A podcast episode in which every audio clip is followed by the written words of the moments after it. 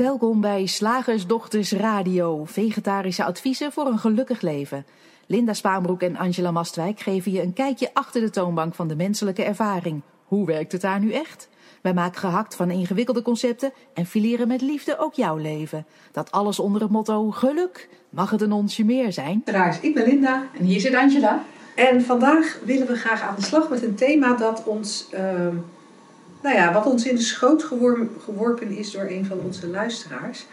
Ehm, en dat gaat over je aangevallen voelen. Nou heeft niet iedereen daar last van. Moet jij bij voorbeeld al lachen? Ja, nou, jij, jij, jij beschrijft zo mooi beeldend. Het is ons in de schoot geworpen. En dat zie ik dan voor me. En ik denk, oh, ik zou me zomaar aangevallen kunnen voelen door iets wat in mijn schoot wordt geworpen. Maar goed.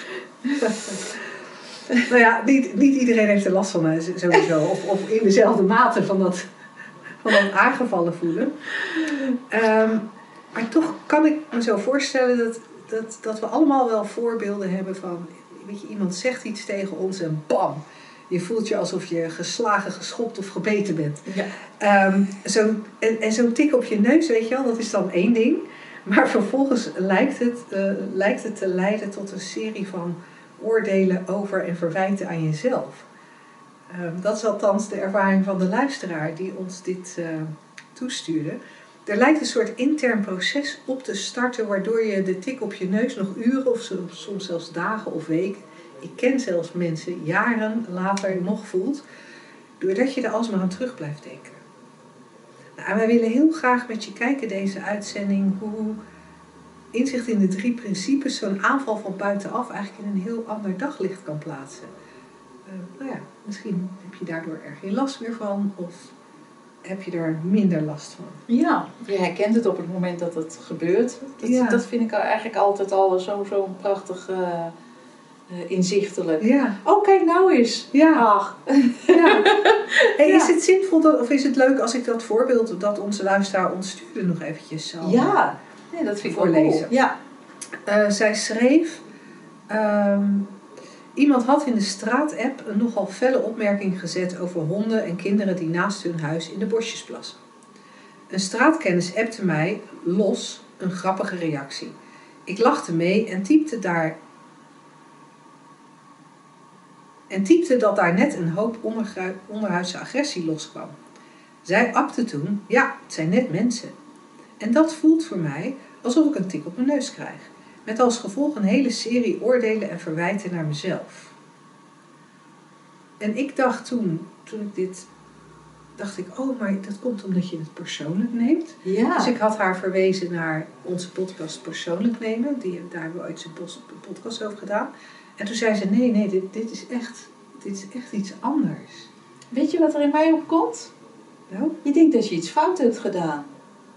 ja. Wat natuurlijk ook heel persoonlijk is. Maar ik kan me wel voorstellen dat dat in eerste instantie niet zo, eh, niet zo herkend wordt. Dat als je En misschien dat dat iets- bent, ja. je dan het gevoel hebt dat je het fout hebt gedaan. Ja. Of dat je het idee hebt, eh, eh, als er een soort verontwaardiging ontstaat, dat de ander het fout heeft. Dat zeg jij nu wel, maar ik bedoelde het niet zo, bijvoorbeeld. Hè? Oh ja, En ik vind dat ook wel zo.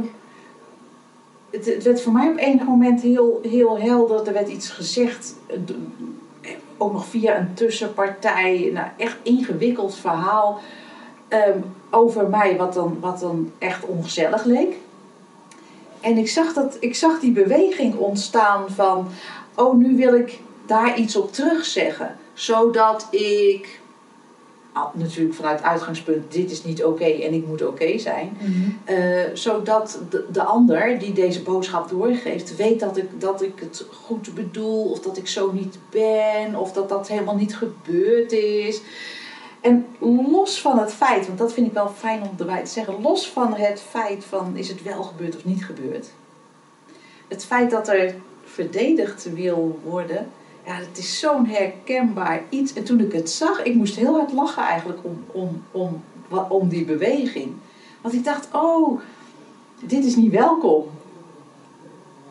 Hier, Mhm. bij mij.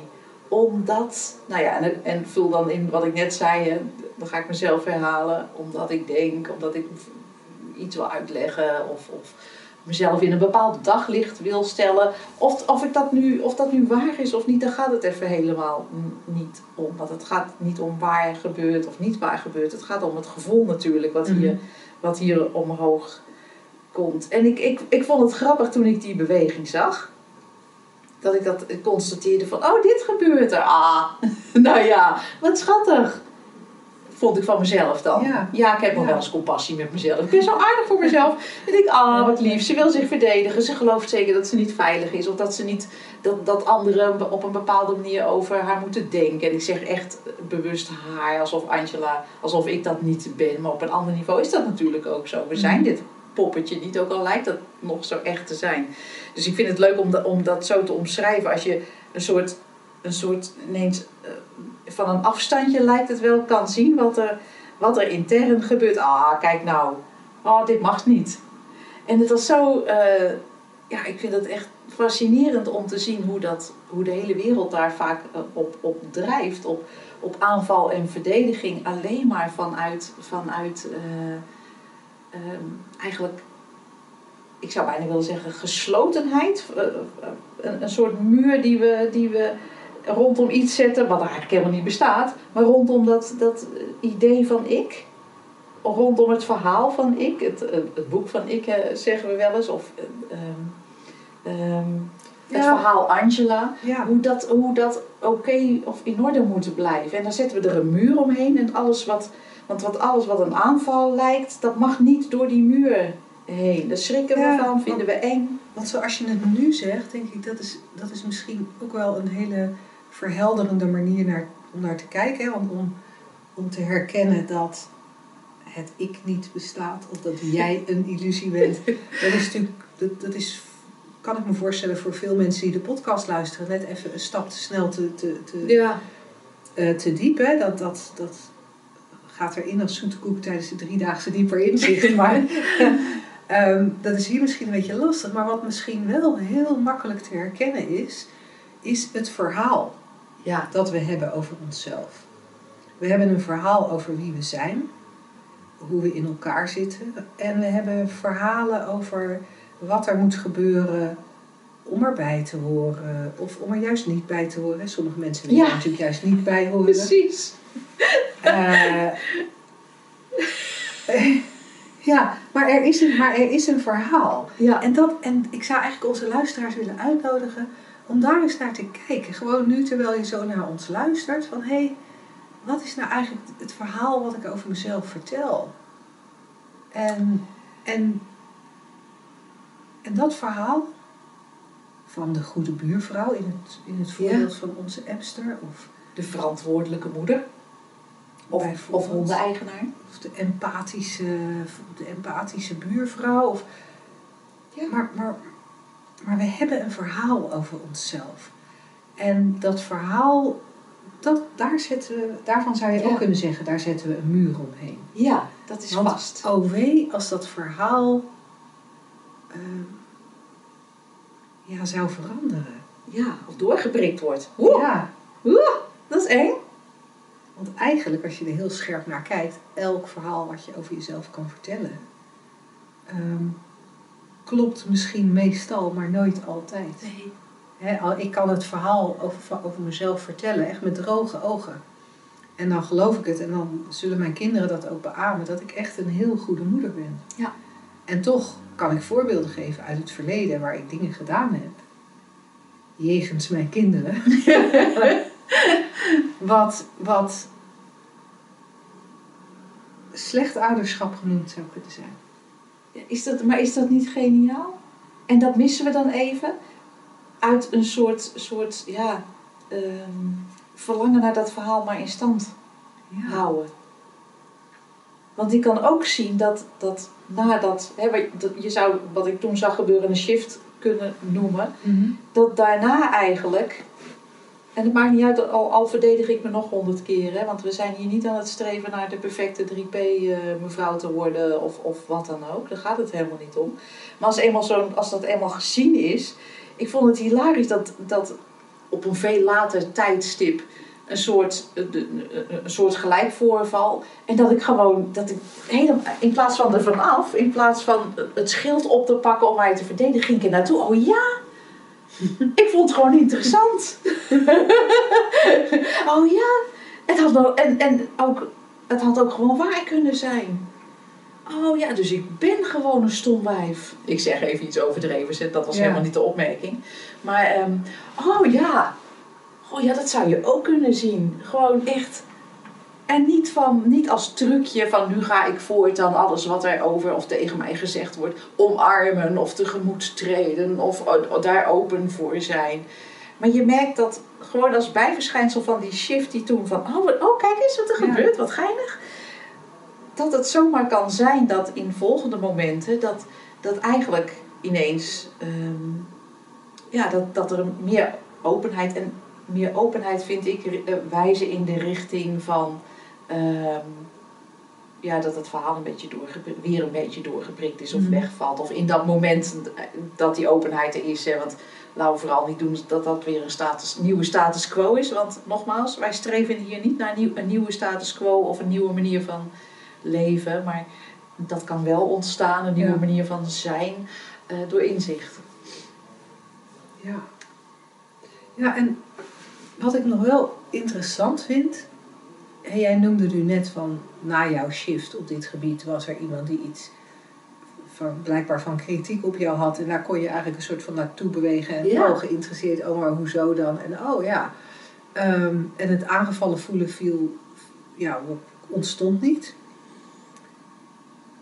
Wat ik uit het voorbeeld van onze uh, luisteraar wel een beetje haal, het, het was daar niet eens openlijke kritiek. Het was niet eens kritiek. Oh ja. Het was een opmerking die, die ging over andere mensen. Er, er werd over andere mensen gezegd: ja, het zijn net mensen. Ah ja.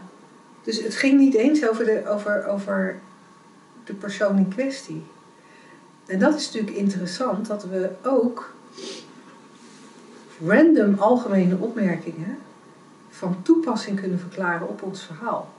Razendsnel natuurlijk, want het is niet iets alsof we dat, dat we bewust doen. Nee. Maar er wordt iets gezegd. En, en misschien is ook wel een voorbeeld daarvan dat je op een uh, feestje, je zit met iemand te praten en je hoort zo met je andere oor hoor je iemand zeggen, nou dat vind ik dus echt zo raar dat ze dat doet. En dat je dan denkt, het gaat over mij.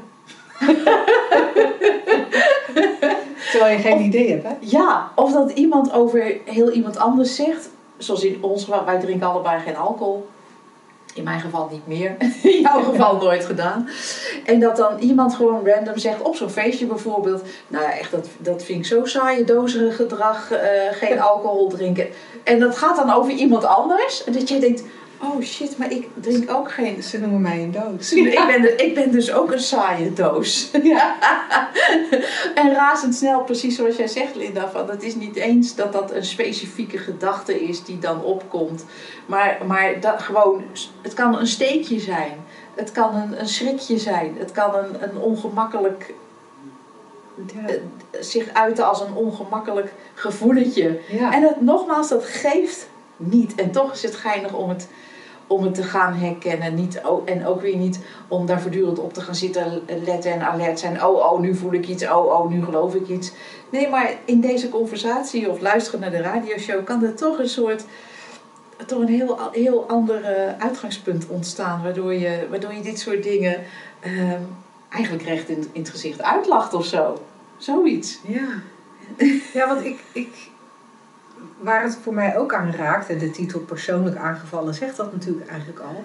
Wat, een aspect dat we volgens mij nog even iets minder hebben benoemd, het zat in de voorbeelden, is dat we geneigd zijn heel veel van wat er gezegd wordt op ons persoonlijk te betrekken, op ons persoonlijk verhaal te betrekken, terwijl het ehm, in een heel groot deel van de gevallen helemaal niet over ons gaat. Ja, Zo'n opmerking als, ja, het, zijn net mensen, gaat helemaal niet over de vraagstel. De, degene die ons de vraag of het thema toestuurde. En als er, uh, als er gezegd wordt, uh, goh, eh, in, in mijn geval bijvoorbeeld, omdat mijn kinderen allebei eh, orthodox veganistisch zijn. Zou, z- als iemand zegt, ja, die veganisten, dat vind ik echt zo stom, vind ik echt zo stom, dat veganisme. Dat ik dan me dat aan zou kunnen trekken, omdat ik het, omdat ik het van toepassing verklaar op mijn kinderen. Ja. En mijn kinderen, daar zit het woord mijn in, hè? dus dan wordt het al van, van Linda.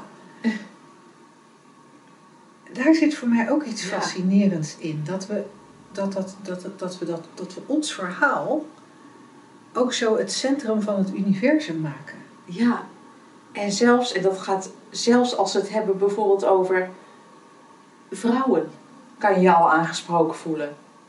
Ja, ik heb, ik heb, ik heb wel eens een vriend gehad die, die zei altijd: Ja, maar jullie vrouwen. En dan had ik altijd: Wat de. f- Ja, Geinig, hè? ja, En dat het, dat het dus, dus op, op allerlei, laat ik het even lagen noemen, maar dat zijn natuurlijk allemaal gewoon gedachten. Allemaal eh, eh, gedachteconstructies, gedachtenlagen, gedachtentreinen, hoe je het ook wil noemen. Eh, eh, kan je wat, wat, wat gewoon gebeurt. Dingen worden gewoon gezegd, geuit, medegedeeld, gevoeld, gecommuniceerd, weet ik veel. En, en in elk moment is er de mogelijkheid om dat, dat te zien zoals het is eigenlijk. Dat, een ervaring in het nu. In al zijn rijkdom, hè, wat, wat allemaal niet kan ervaren kan worden eh, als mens. of, ik ben mijn draad kwijt trouwens. Ehm, dat zie je voor wat het is. Of het wordt het persoonlijk gemaakt eh, ehm, ehm, ehm, geïnterpreteerd, eh, bestreden, verdedigd, afgewezen of iets anders meegedaan. En uiteindelijk allemaal, om terug te komen op waar je mee begon, allemaal uit angst Ja, dat je niet goed genoeg bent. ja. En vind ik ook mooi dat Sydney Banks, de, de, degene die die drie principes eh, geformuleerd heeft naar aanleiding van, een, van, van wat hij zag dat de menselijke ervaring inhield en wat erachter zat. Ehm, die zei ook altijd, die noemde het onzekerheid. Hè? Wij, wij, wij noemen meer angst, maar hij noemde dat onzekerheid. Het enige wat, wat de mens dwars kan zitten is onzekerheid. Ja. En vaak onherkend, onerkend, zou ik bijna willen zeggen. Want ik vind het heel geinig dat we net zo makkelijk... Nee, nee, onzekerheid, dat ken ik niet. Nee, dat ken ik niet.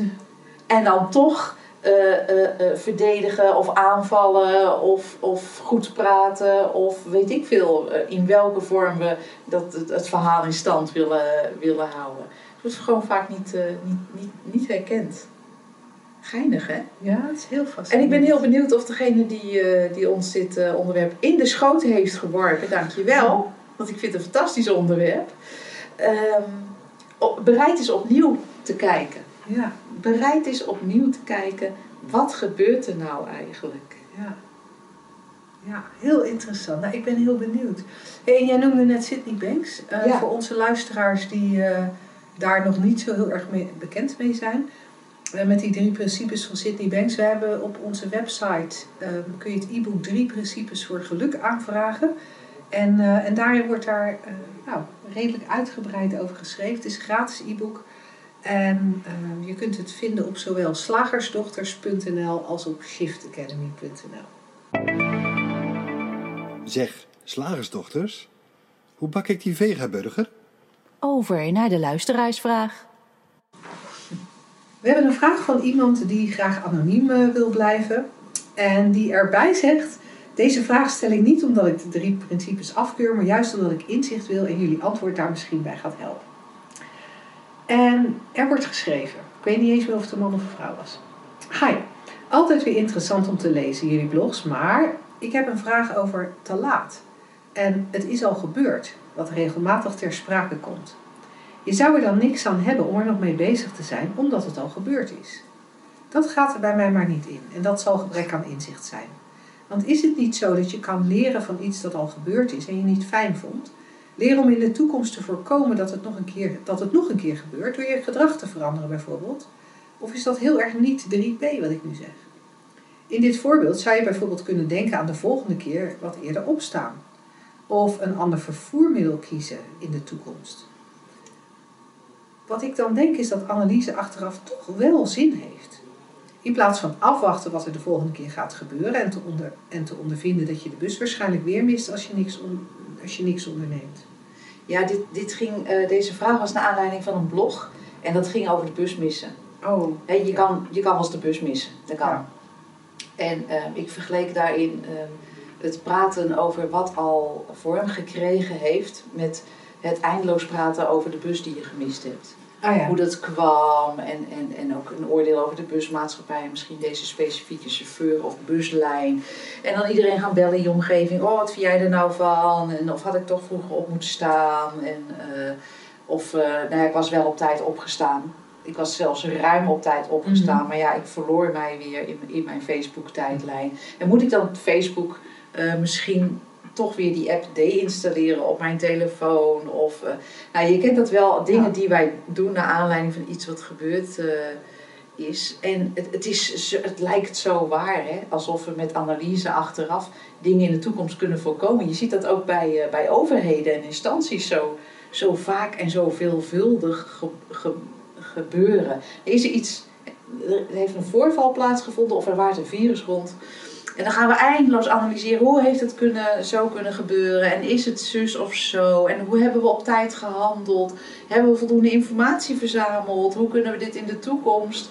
En dat is grappig, want dan baseren we, dan gaan we eigenlijk zitten, zitten analyseren en voorspellen, terwijl elk moment eigenlijk weer nieuw is en dan komt er weer een ander virus op of ergens anders vandaan. Ja. Of die heeft een andere maatregel nodig of heeft een ander effect. Of heeft, nou ja, ik vind het heel interessant dat we maar blijven denken dat het nuttig is. En maar blijven denken van, oh ja, als ik de bus gemist heb, moet ik volgende keer uh, uh, vroeger opstaan. Terwijl er een miljard redenen kan, kunnen zijn, ook als je op tijd op bent gestaan, waarom je de bus zou kunnen missen. Ja. En dan, we, we, we leggen, we zien, we leggen oorzaak en gevolg zien we in de wereld van de vorm. Waar wellicht correlatie is. Hè? Kijk, als je helemaal niet opstaat, zijn waarschijnlijk geen enkele bus halen. Hè? Dus er is wel een correlatie tussen opstaan en een bus uh, uh, halen. Maar, maar oorzaak en gevolg is helemaal niet zoals wij denken dat het, dat het is. En die, die communicatie van die drie principes laat zo mooi zien eigenlijk dat er in elk moment een ervaring is. Een ervaring, een ervaring, een, een, een gedachte in bewustzijn uit een oneindige bron van gedachten, of potentie tot gedachten moet mm. ik zeggen, want ze, ze liggen natuurlijk niet vast. Wat er tevoorschijn komt, kan elk, in elk moment heel anders en nieuw zijn. En dat geeft ook al aan dat we kun, niet kunnen vertrouwen op als ik het voortaan zo doe, dan. Want elke creatie, elke ervaring kan volledig nieuw zijn. Ja, en, en ook in, in, en dat geldt ook in praktische dingen. Hè? Dat Ja. geldt niet alleen maar voor gevoelsmatige ervaringen, maar ook in praktische dingen. Ik ben bijvoorbeeld vorig jaar eh, met mijn camper achteruit tegen een boom gereden. En er zat een fietsenrek op de camper met een fietsje. Dus het fietsstuurtje heeft een gat in mijn camperwand gemaakt. Het raam was stuk. Het fietsenrek was eh, stuk. En, ehm, en het was natuurlijk een beetje wonderlijk eigenlijk dat ik, dat ik achteruit reed tegen een boom. Want je zou denken, zo, het was echt een flinke boom, die zie je staan. Ehm, en ik had die situatie kunnen gaan analyseren. Ik moet heel eerlijk zeggen dat ik dat, dat, ik dat ook wel voor een seconde of dertig heb gedaan. En ik dacht, nou hoe kan het nou dat ik tegen die boom aanrijd? Toen, dacht ik, en toen realiseerde ik me, oh ja, maar ik ben er op een bepaalde manier ingereden. Met vrij baan, dus helemaal geen boom. En ik zat te kletsen met mijn dochter en ik ben daaruit, achteruit uitgereden alsof ik vrij baan had. Uh, maar ik ging met een andere draai daaruit dan ik erin ging. Um, dus die, die split-second analyse deed ik op dat moment ook. Maar tegelijkertijd realiseer ik me dat, dat om het in de toekomst te voorkomen eigenlijk helemaal geen zin heeft. Want nee. ik zal nooit meer op die exacte plek mijn auto parkeren. Ik zal nooit met exact dezelfde aandacht wegrijden op een plek. Uh, ik, ik, weet je, dus elke, elke nieuwe ervaring met het wegrijden op een, op een volgende camperplek zal zal andere variabelen hebben. Waardoor mijn analyse over wat er verkeerd is gegaan eh, vorig jaar buitengewoon weinig zin heeft. Ja. En weet je wat ik hier ook uit, uit proef en uit onze eh, eh, drang tot, tot dat wel analyseren, of de gewoonte is het misschien. We, we vinden het zo verdomd eng om te zien dat het leven volkomen random zich eh, voltrekt. Dat er steeds maar creatie na creatie is en dat wij daar niet over gaan, omdat wij ook een creatie daarvan zijn. Ehm, dat we maar houvast zoeken. En dan van ja, maar als ik maar zus, dan zo. En als je goed kijkt, hij is zo onderuit te. Ik vind jouw voorbeeld echt zo helder. Van dat het nooit meer zo exact op diezelfde moment, op datzelfde moment zal gebeuren. En, en tegelijkertijd, ja, uh, je gaat rijden als je rijbewijs hebt, dan ken je de techniek en that's it. En, maar wat er gebeurt is totaal, totaal onverwacht. En dat vinden we zo eng. We zijn zo bang dat wij op enig moment niet de juiste respons zullen hebben op wat er gebeurt. Dat we continu bezig zijn met, ja maar blijf, blijf alert, zag ik vanmorgen. Ja. Uh, als, uh, als um, ja, blijkbaar, we, we nemen dit uh, van tevoren op, hè, deze show nu. En dat was een, naar aanleiding van een toespraak van Boris Johnson, de Engelse premier. En zijn voornaamste boodschap in de, in de coronacrisis was, stay alert, stay alert stay alert. En dat is wat we eigenlijk continu doen als we in die analysemodus uh, uh, schieten en in de voorspel, uh, hè, als paarse jurk een glazen bol tevoorschijn halen van, nee, maar als ik het de volgende keer maar zo doe, dan zal ik die bus halen. Ja. Dan, het is een illusie mensen. En dat moet je niet van ons aannemen. Maar kijk voor jezelf. Zoals Linda net zegt, is zo helder. Hè? Van van er zal nooit meer, dat, dat moment zal nooit meer terugkomen. En wij zien ook vaak niet hoeveel miljarden componenten er in zo'n in zo'n moment zitten. Jij zei al inderdaad van, oh ja, mijn dochter en aandacht waar dat dan even zit en andere uitrijhoek. En misschien, weet ik veel, je kan, er zijn miljarden dingen die meespelen in elk moment, in elk fris moment. En we willen er maar grip op krijgen, maar dat hebben we niet. En het is best handig om dat te zien, want dan kan je.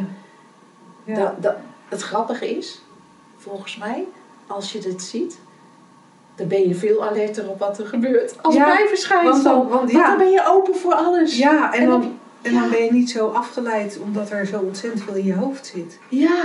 Nou, en waar ik naar, naar aanleiding van wat, wat deze uh, vraagstelster aangeeft over dat te laat. Van als het gebeurd is, ben je te laat. Uh, als je nog even dat voorbeeld van, van de camper en de boom en de kapotte ruit uh, erbij neemt. Wat we, wat, waar we vaak naar verwijzen als we het daarover hebben, is dat, oké, ik, ik hoorde een boom en, uh, en, zat, en zat tegen die boom aan. We zijn uit de, uit de camper gegaan, omgelopen. Hebben, uh, tenminste, ik ben eerst even naar voren gereden met de camper. Toen zijn we uitgestapt. Hebben de, de schade uh, opgenomen. En op dat moment kun je, kun je eigenlijk twee dingen doen. Je kunt um, als het ware doorgaan naar het volgende moment. Oké, kapotte ruit, losse onderdelen van de ruit op de grond. Nou, zullen we die oprapen, vastplakken? Zullen we de verzekering bellen? Zullen we het fietsenrek, uh, de onderdelen van het fietsenrek uh, maar van de camper afhalen? Weet je, dus, dus door naar het volgende moment. Of je kunt erbij stil blijven staan, en dat doen we heel vaak. Ja. Ja, maar hoe is dat oh. nou gebeurd? En wat ging er nou fout? En waarom ben ik nou zo stom dat ik niet op heb gelet? En, ja, en jij zit ook maar tegen me aan te kletsen. Daar was ik door afgeleid. En waarom heb ik je überhaupt mee op vakantie genomen? Ah, ik vind het ja. zielig dat ik het zeg, want zo was het helemaal niet. Nee. Maar dat kunnen we wel verzinnen. Ja, en, en, en waarom zetten ze hier bomen neer? Ja, ja ook dat. Dat doe je toch waarom niet aan de zo'n camping? Waarom rijd ik in een oude camper? Waarom heb ik niet gewoon een nieuwe met een beetje steviger fiets? Nou, je, en, eindeloos. En dat is wat we vaak doen. We gaan dan eindeloos praten over ja. Nou ja, over het feit dat er een, dat er een botsing is geweest. En ik, ik weet niet of je het een beetje hoort, of wat ik, wat ik bedoel als ik zeg: je kunt door naar het volgende moment, of je kunt blijven mieren over wat er gebeurd is. Sorry dat ik het met zo'n beetje naar woord zeg. En maar je- daar, daar, kun je, daar kun je op doorgaan. Ja. En dan, maar dat is te laat. Ik, ik kon niets meer doen om die ruit weer. Ik bedoel, ik kon het moment niet terugdraaien. Dus in dat opzicht is het altijd te laat. Ik heb eh, eh, eh, een 30 seconden geleden het woord mieren gebruikt, dat ik eigenlijk niet zo'n aardig woord vind. Te laat. Te laat! Het is al gebeurd. Ik kan het niet meer terugdraaien. Ik zou eventueel nog het uit Ja. deze opname kunnen knippen, maar kunnen. dat doen we dan ook weer niet. Nee, maar de illusie is zo groot dat als we er maar heel lang over nadenken, en dan, en dan dat kan alle kanten op, hè, en dan in de illusie dat dat veiligheid oplevert. Nou, ik koop gewoon een andere camper. Een moderne camper met een groter achterraam. Ja, want die, in die oude zijn ze een beetje getint. Een groter achterraam. Ik zet ook wat grotere dingen Een camera, een achteruitrijden. een camera erop. En ehm, ehm, ik vraag aan, aan de camperleverancier of die extra grote buitenspiegels eh, erop doet. Ik neem nooit meer mijn dochter mee op vakantie. Want ik wil gewoon, ik, überhaupt neem ik nooit meer iemand mee op vakantie. Want ik wil gewoon niet afgeleid eh, worden. Ik laat Olly ook thuis voortaan. Ehm, een, een, een, een fietsje komt er sowieso niet meer. eh, ja, dan loop ik wel naar de steden vanaf die camping. Ja, of ik neem zo'n camping met zo'n garage erin. Ja, ja, waar ik dan een klein autootje in kan rijden. Eh, ehm, ehm, nou, je eindeloos kan je, kan je veiligheid, schijnveiligheid, zoeken in het op een volgend moment anders doen. Omdat je zogenaamd geleerd hebt van deze ervaring. Maar je kan niet van een ervaring leren. Je kan een ervaring alleen maar ervaren. En in een volgend moment weer eigenlijk voor de volle 100% aanwezig zijn in het verse moment, in het frisse nu. Ehm, eh, zonder daar weer een trucje van te maken, om te kijken wat er dan gedaan wil worden. En dat heb jij net al heel mooi omschreven. Ik vind het een fantastisch voorbeeld. Echt een geweldige, geweldige metafoor over hoe, hoe we gewend zijn te doen en wat er op tafel ligt met- inzicht in die drie principes. Hoe je dan aanwezig kan zijn en ehm, ehm, ook kan ontdekken hoe goed de mens gebouwd is. Want dat is ook een, dat is een perfecte creatie, zo'n mens. Om, om te interacteren met alles wat, met elke ervaring eigenlijk. Met een botsing, met een dochter, met een, met een kapot fietsje, met, met angst, met, een, met alles. Ja. Vet hè? Ja, ja, het is heel vet. En ik heb ook het idee dat die, dat, zeg maar, dat beeld van die camper en dat, dat er nooit meer een moment zal zijn waarop alles op, exact op deze manier is. Dat geldt natuurlijk voor alles. Dat geldt ook Ja. voor de situatie op je werk. Dat geldt ook voor een tweede kind of een, Ja. een nieuwe relatie. Ja, En we zijn zo geneigd om al die ervaringen uit het verleden mee te nemen en dan toe te passen op die nieuwe, op die nieuwe relatie of op dat tweede Ja. kind. En dat je denkt, maar- dat maar dat niet. werkt niet. Alles Of is anders. Ja, of zelfs op een ander moment bij dezelfde vent. Want dat vind ik zo leuk rijmen namelijk. dat je denkt, nee, maar gisteren vond hij dat ook leuk of juist vervelend. Dus dat doe ik niet meer of dit doe ik extra. En dan ineens, ja, die ander heeft op dat an- andere moment een andere ervaring. Vond hij het niet leuk. Ja. Anticiperen heeft echt, geen zin. nul zin. Nee. Want je herkent, je, je mist dan eigenlijk de waarheid. Ik vind het een beetje een groot woord. Kunnen we dat er even uitknippen? Je mist dan. ik ga het gewoon weer zeggen. Ik heb er nergens van geleerd, hè? Nee, ik denk, wat zeg ik nu? En ik ga het gewoon weer zeggen. Je mist dan de waarheid van dat, dat er in elk moment een, een frisse creatie is. En oh, wat zijn we daar goed voor, voor uitgerust als mensen? Daar ben je voor geboren. Ja. Ben je ook gecreëerd. Ja. Ja. ja, fantastisch. Fantastisch. Nou, we hopen dat dit eh, zeer uitgebreide antwoord iets doet Ja, voor de vragensteller of stelster. Ja, en mocht jij als eh, andere luisteraar eh, ook een vraag hebben, wij gaan er met heel veel plezier mee aan de slag in een van onze volgende uitzendingen. Dus eh, Ja. stuur hem maar naar vragen.slagersdochters.nl.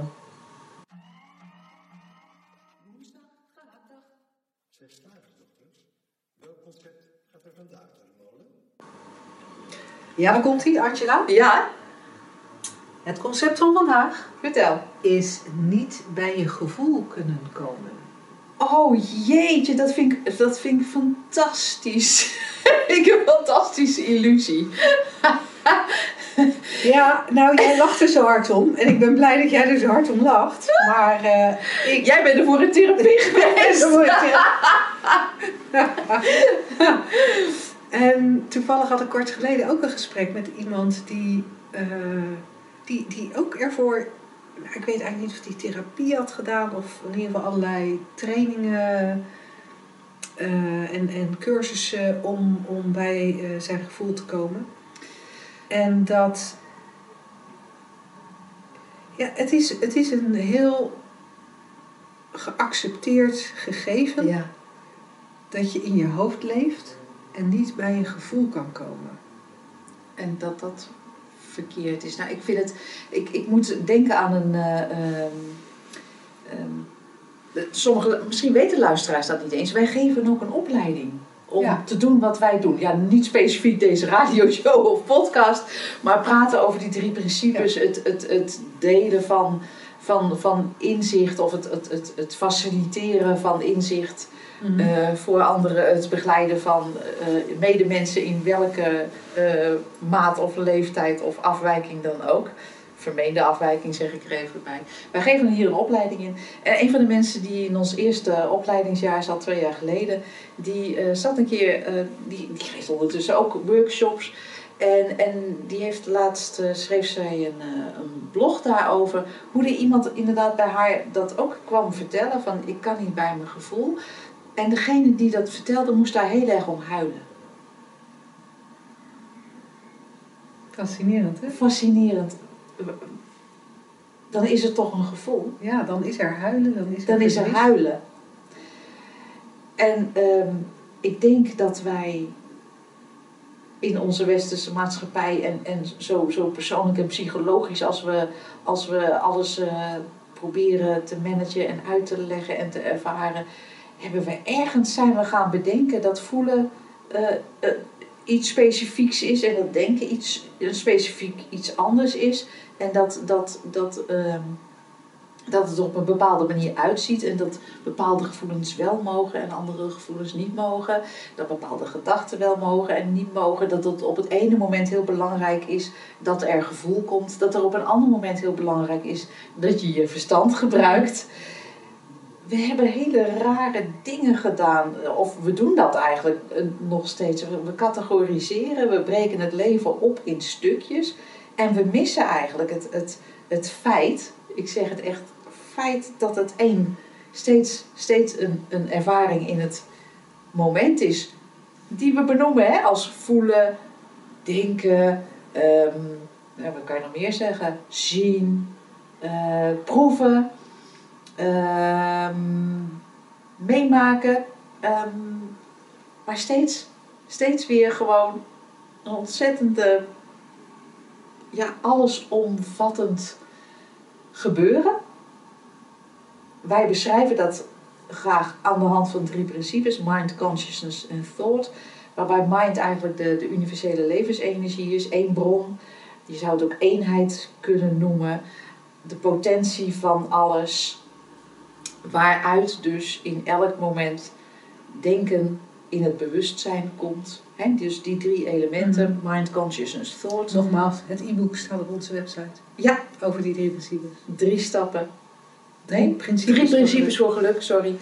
En ehm, dus er is in elk moment een creatie, in elk moment een ervaring en wij gaan dat opdelen en vervolgens maken we hem ook persoonlijk en dan zeggen we, ik kan niet voelen alsof ik lossta van een gevoel, in plaats van dat er gewoon een ervaring is. Er is voelen of er is denken of er is proeven of er is ruiken of er is, er is iets wat we alleen maar achteraf kunnen omschrijven en dan is dat weer een nieuwe ervaring met analyse, met, met, met oordeel, met.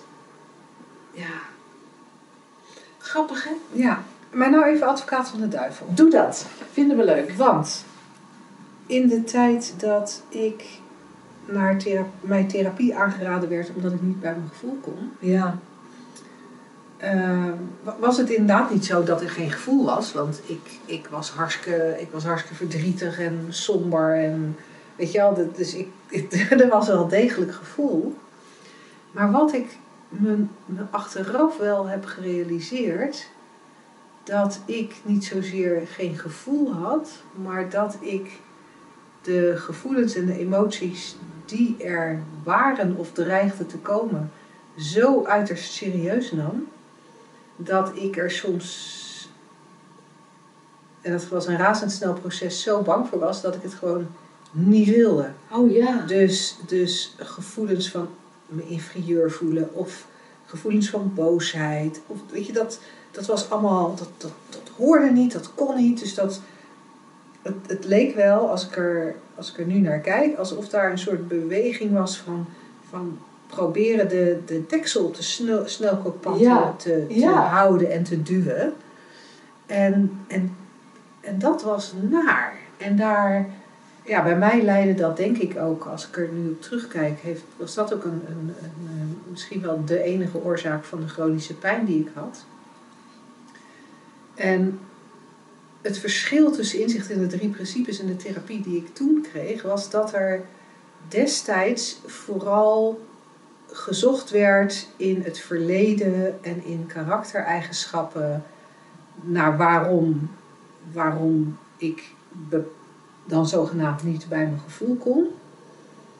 En er werd eigenlijk minder gekeken naar het feit dat ik weliswaar gevoel had, maar het niet acceptabel vond of zo. Dus er werd in ieder geval erg geroerd in die gevoelens en elk gevoel werd serieus genomen en het ontbreken werd serieus genomen. Dus het werd eigenlijk, eigenlijk werd gevoel heel erg gezien als een concreet ding. Ja. Met een begin en een eind en het had een vorm en het bevond zich op een bepaalde plek in mijn lijf. En dus het werd gezien als iets wat je bij ons op het hakblok zou kunnen leggen en waar je dan iets aan zou kunnen doen. Hè, waar Ja. onze vaders plakjes van hadden kunnen snijden of eh, een, een hoekje daaraf of een klap erop geven zodat het platter was, zodat die gevoelens Ja. meer zijn Een zoals plekje. horen te zijn. Ja. Een plekje geven aan de vleeshaak. Precies. En, en, het, het, en daarmee kan je ontzettend lang bezig zijn Ja. over gevoelens. En of je ze nou wel of niet hebt en of je ze nou wel of niet voelt en waar je ze voelt. Ik hoorde ook nog iemand eh, vertellen dat eh, ja, dan kon je in je onderbewuste kon je een bepaald anker, kon je iets verankeren in je onderbewuste. En dat als je dan ergens op enig moment heel veel stress had, dan kon je naar dat onderbewuste om dat wat je had verankerd op te halen. Allemaal heel ingewikkeld. En het gaat, als je heel eerlijk bent, het gaat niet over, het gaat, ik wou zeggen, het gaat nergens over. Ehm, maar, maar dan bedoel ik vooral, het is niet, ik zit hier naar een tafeltje te kijken, alsof dat ons hakblok is. Het is niet iets wat ik op dat hakblok kan leggen. Dus het is niks concreets en eigenlijk heeft nadenken daarover dan ook geen enkele zin. Op het moment dat je je gaat realiseren dat gevoel niks is, Ja. het is wel een ervaring, maar het is niks. En dat gevoel, elke ervaring, in elk moment kan veranderen, omdat het een voortdurende doorstroom is, gecreëerd door die drie principes. Maar die drie principes, dat is echt, dat creëert en dat creëert en dat creëert en dat creëert. Het is in elk moment kan het anders zijn. En op het moment dat we dat gaan zien, dan hoeft een ervaring in het moment, een ervaring van boosheid, een ervaring van verdriet, een ervaring van angst, een ervaring van ontevredenheid, welke ervaring dan ook, hoeft geen punt te zijn. Dus er hoeft niet tegen gevochten te worden, het hoeft niet onderdrukt te worden, het hoeft niet geanalyseerd te worden, het hoeft niet overdacht te worden. Daar hoeft helemaal niks mee. Nee, Het wordt gevoeld, maar dat is al zo. En dan, en dan komt er een heel natuurlijke doorstroom. En dan wordt, dan wordt het, het zeggen van dingen van ik kan niet bij mijn gevoel, wordt, wordt net zo raar als zeggen ik kan niet bij de maan. Ja.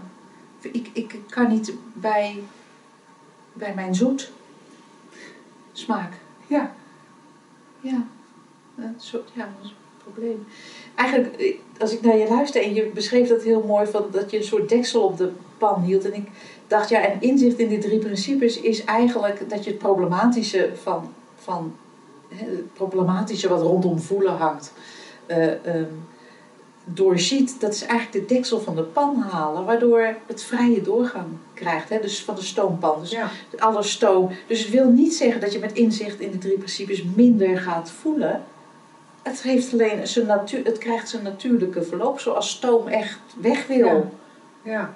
En ja, ja, het wordt een soort eb en vloed. Hè? Het komt, Ja. het gaat, het komt, het gaat, het komt, het gaat. En het doet verder niks. nee, Het laat geen werkelijke sporen achter. nee, dat kan ook niet eens. Nou, zo zijn we weer fijn rond, vind ik, bij, bij, bij ons uh, adagium van het mag ook makkelijk. Wat is er makkelijker dan gevoelens alleen maar te herkennen voor wat ze zijn? Een ervaring in dit moment gecreëerd door de werking van wat wij die drie principes noemen. hey, en voelen deed je al, hè? Het is alweer, je bent al te laat als je er iets over gaat zeggen. Ook hier weer, ook hier Te laat. Te laat, het is al gevoeld. En je bent ook, ook weer perfect toegerust om te voelen. Je bent geboren als een denkend, voelend uh, ervaringje. Ja, en wat deze uitzending betreft, uh, ook uh, te laat, hè? Ja, Hij te laat. Hij is voorbij. Tot de volgende. Doeg.